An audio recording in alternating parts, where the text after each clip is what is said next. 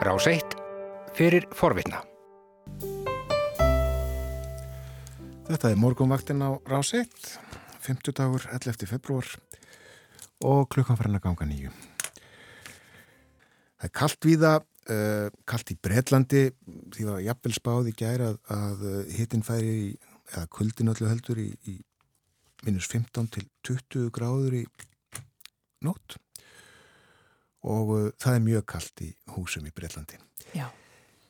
Öllu hlýra í núk, núk í Grænlandi, uh, bara sjöstuða frost þar núna, bói og þar allir við að, að vera næstu myndur, bói Ágúrsson komin til okkar uh, sestur við heimsklukan. Já, takk fyrir það Björn og Þórun. Já, það er nú dágótt frost, mínus sjö stíg, en það er hitt í pólitíkinar og Olga í síðustu viku þá uh, misti ríkistjórn uh, Kim Kilsens meiri hluta sinn á þingi og ennú sittin áfram sem minni hluta stjórn og því að þar gekk einn flok, þryggja flokka úr stjórninni demokratít og Kilsen heldur áfram sem minni hluta fósættisráð þeirra eða formaðurlandstjórnarinnar eins og það heitir formlega uh, sem er dálta skvítið vegna þess að hann er líka búin að missa ennbætti sem formaður flokksins, jafnamannaflokksins síumút. Uh, en uh, grænleiska þingið hefur ekki komið saman, er að koma saman í næstu viku og þá kunna verða einhver tíðindi. Þessi mál rætti ég við eins og fyrirvendu utanrikis á þeirra minnum á það að Össur er formaðu nefndar sem að skrifaði skýslu um uh, samskipti Grænlands og Íslands með mörgum tillugum um uh, hvernig þetta hvernig bæri að haga þessum samskiptum með fram, framtíðinni öll þau tækifæri sem að fælust í nánari samvinnu þessara dveggja þjóða í vestur Norður Allandshafinu og Össur er náttúrulega manna skemmtilega stöður í frásögu uh, og uh, hluta af þessu viðtali spilaði ég í speiklinum í fyrradag en uh, ég ætla að leifa hlustendum að heyra meira af þessu samtali okkar sem er nú kannski meira eintal Össurar heldur en, heldur en samtal því að Össur er flugmælskur. Og þetta er honum greinlega mikið hjartansmál og hann þekkir gríðarlega vel til það sem við rættum í þessu það eru grænlensk stjórnmál og það eru námugröft á grænlandi sjálfgefa málma því að þeir eru óvíð, þá er óvíð að finna í miklu mæli og á grænlandi. Stórveldapolítík kemur inn í þetta sveitastjórnarkostningar sem að verða í april og, og, og þar ber niður í samtali okkar össur að ég spurði hann hvort að Ja, hann hefur ekki mikla trú á því að það verði emt til nýra þingkostninga alveg bráð út af vetri og, og uh, kulda og barátunni við COVID. Þeir hafi við annað að kljástældur en að velja sér nýtt þing. Hvort að það væri þá ekki raugrétt ef það er emt til nýra kostninga þær færu fram jafnliða sveitastjórnarkostningunum núna í april það er vel mögulegt og það er kannski það eina sem skynsalegt væri ef að menn á annar borð ætluðu sér að fara í kostningar og það gæti gerst en ég, ég er ekki alveg sannfarður um að gerst. Nú er stjórnin bara með, hún er með 11 þingsætti af 31 og það er afskaplega veik staða á þingi ef ykkvað kemur upp. Vissulega, en fyrsta lagi, ef þú lítur til sögunar innan danska samveldisins, þá náttúrulega hafður þú ríkistjórn í Danmörku mörg ár sem var með enn minni minnulhuta í danska þinginu heldur en að Kim hefur í grænleiska þinginu, svo það er ákveðin forsaga innan ríkjasambandsins mm. en demokratit hefur sagt það að þeir munu taka afstöð til einstakra mála og fyrir utan þetta stóra mál sem er uppi núna sem er náman í Suðugrælandi þá eru kannski ekki svo stór mál, þetta er dálítið svipað eins og hér á Íslandi.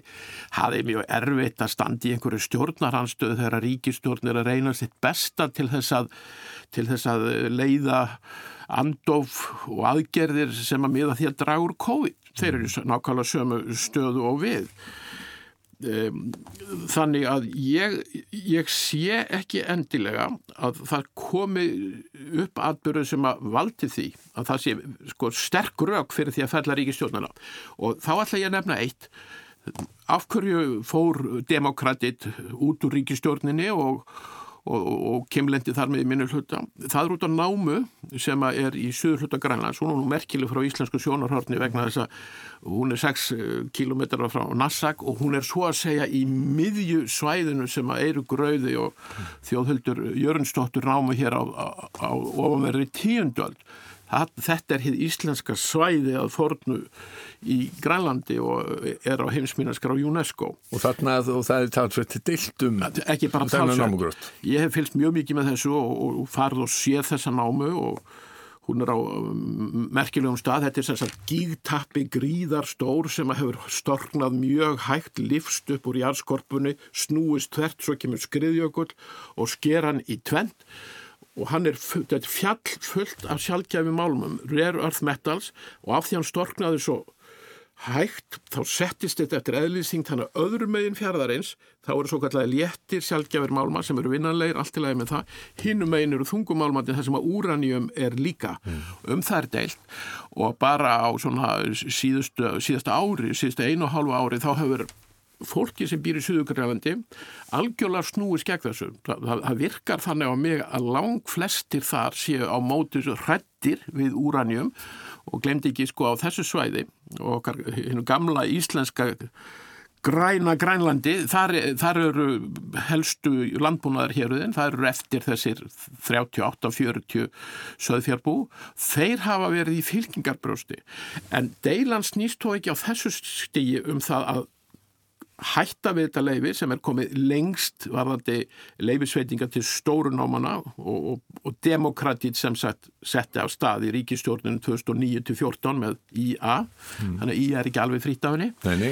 Að, þannig að, að menn deila um hvernig á að veita borgurunum aðgangaferlunum. Núna voru að fara af stað kynningarfundir og eru jafnvel farnir af stað. Og þá segir hinn nýja fórusta í síumút, þar sem við eigum nú Íslending, Ingun Dóru Guðmundsdóttir, hinn varaformaður er Vivian Motsveld sem við þekkjum líka og þær mynda með er ekki eins en nýja fórustu í síumút og þau segja fólki verður að komast nær þessu ferli, hafa meiri áhrif, hafa miklu meiri tíma til að kynna sér þessa 700-1000 blað sína torrskildu skýrslur og e, hafa krafist þess að þessu, þetta ferli verður stöðvað og það verður tekið með öðrum hætti. Vilja meðal, meðal annars fá ríkisfjölmjölana til að kynna þetta betur. Segja, í dag voru fundina bara þannig að það koma embætismenn og kynna. Hver borgari má spyrja tveikja spurninga mm -hmm. en það mega bara 20 borgarar út á COVID mæta þau segir þetta er ólýðræðsleg um þetta snýst eilan og svo hefur raunar gengið ítla að halda fundina og bara út af veðri. Já ekki bara því, svo hafa verið hótanir og ógnanir uppi gagvart fundunum sjálfum og, og lauruglustjórin í Grænlandi. Grænsklaurglegar er dansk eða undir danskri stjórn. Hann þurfti að lýsa því sérstaklega yfir að bæði lífu og limuð þáttakanda og stjórnmálumanna er í gætt við það komið fram einhvers konar hótanir. Mm. Þannig að það er, þetta er erfitt mál. En, og náma félagið sem ætlar að standa í námugur eftir þarna, er það ekki rétt skil í hjá mér að það er í kynverskri eigu? Já, það er allavega meiri hluta í kynverskri eigu.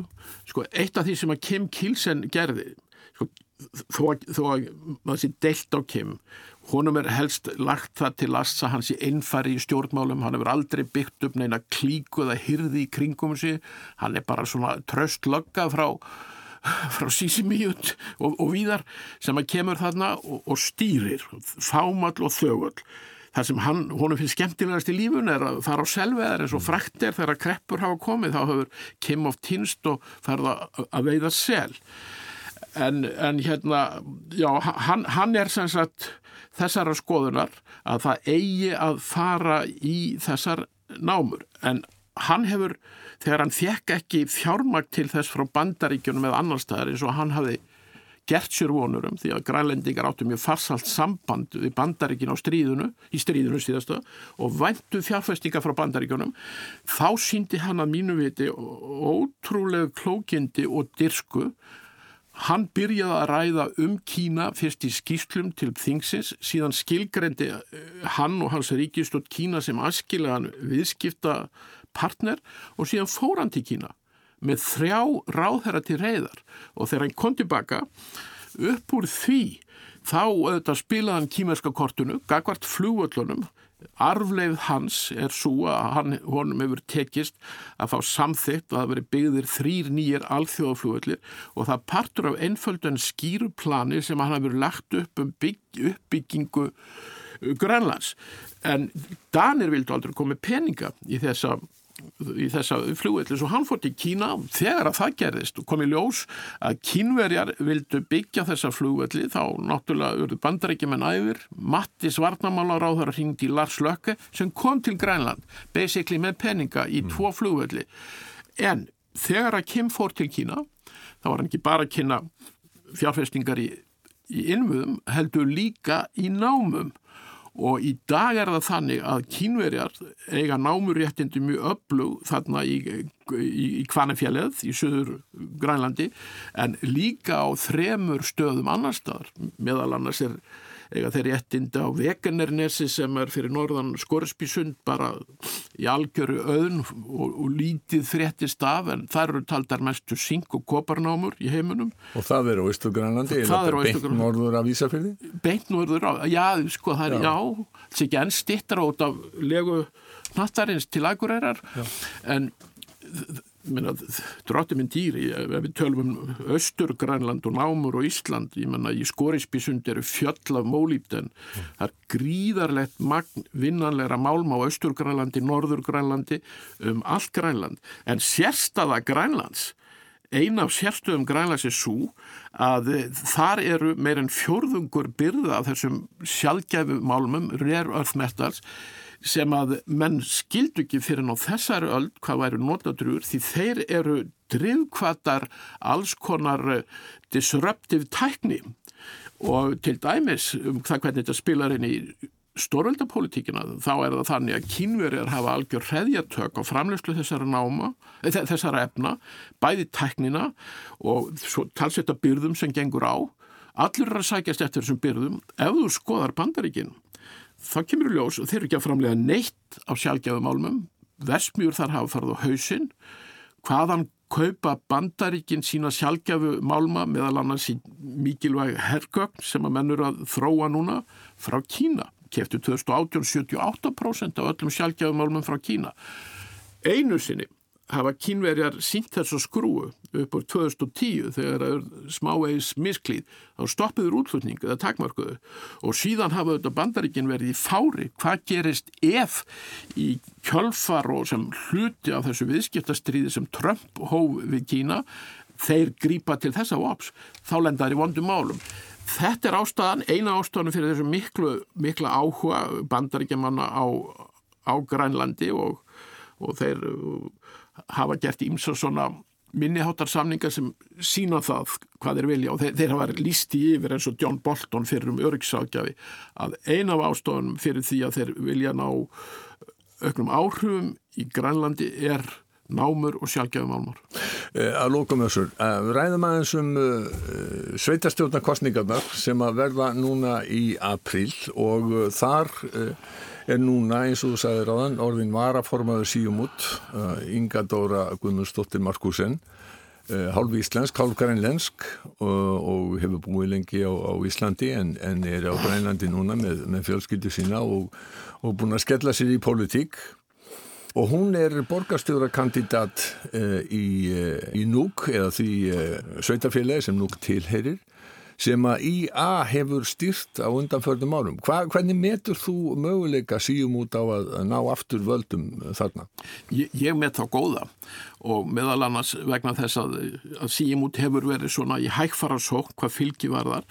E, Demokratið sem að rökk út úr ríkistjóninu núna kann hugsanlega að hafa verið með annað augað á sveitarstjórnarkostningum líka þó það hafi ekki verið aðalatri þannig að þeir hafi verið sterkastir í bæjanum sterkastir í, í, í núk og verið þar í, þar í og eru í samstjórn með IA og e, af því að þeir hafa verið að tapa fylgi á landsvísu þá hefur það ábyggilega skipt máli að þeir litur svo á áframhaldandi þáttaka í, í stjórninni kynna leiða til þess að þeir töpuðu fylginu í stóru bæjanum. Það voru umræður til dæmis um það að færa ímis ríkisfyrirtæki út á land eins og við þekkjum hér. Íbúri núkar ekki mjög hrifnar af því en ég sko, Inga Dóra er mjög öflug kona, öflug stjórnmála kona og við skulum ekki gleyma því að hún hefur pólitísk gen mamma hennar, Benedikte. Hún var náttúrulega félagsmálar á þeirra í ríkistjórn þarna, geysilega öflug kona og eh, Inga Dóra hefur alla burði til þess að verða borgarstjóri í núk og hún er ung kona. Ég þekki hennar vel úr starfi hennar þegar hún vann á alþingi fyrir vestnorrænaráði ekki kemi mér óvart að í framtíðinni þá myndi hún hljóta vegsendir sem eru langt umfram það að vera borgarstjóri núk Össur, takk fyrir komuna. Já, það var Össur Skarpiðinsson. Eh, við fylgjumst áfram með grænlenskum eh, málum, stjórnmálum, mm -hmm. korsið þar í apríl. Já, sveitarstjórnarkostningar. Já, en við ætlum að verja síðustu mínútonum í annað. Já, svona aðeins, ég heyrði það að þú varst að fara yfir erlundablöðin í morgun og ennsku blöðin að, að, að, að það var ímislegt sem þú varst að tala um þar. Það var líka annað sem er að fórsum tveggja ennskra blada í dag, Telegraph og Financial Times og það eru áhyggjur breyta uh, af því að viðskipti með verðbrif í kaupöllinni í Amsterdam er orðin meiri heldur en í Lundun og kaupöllinni.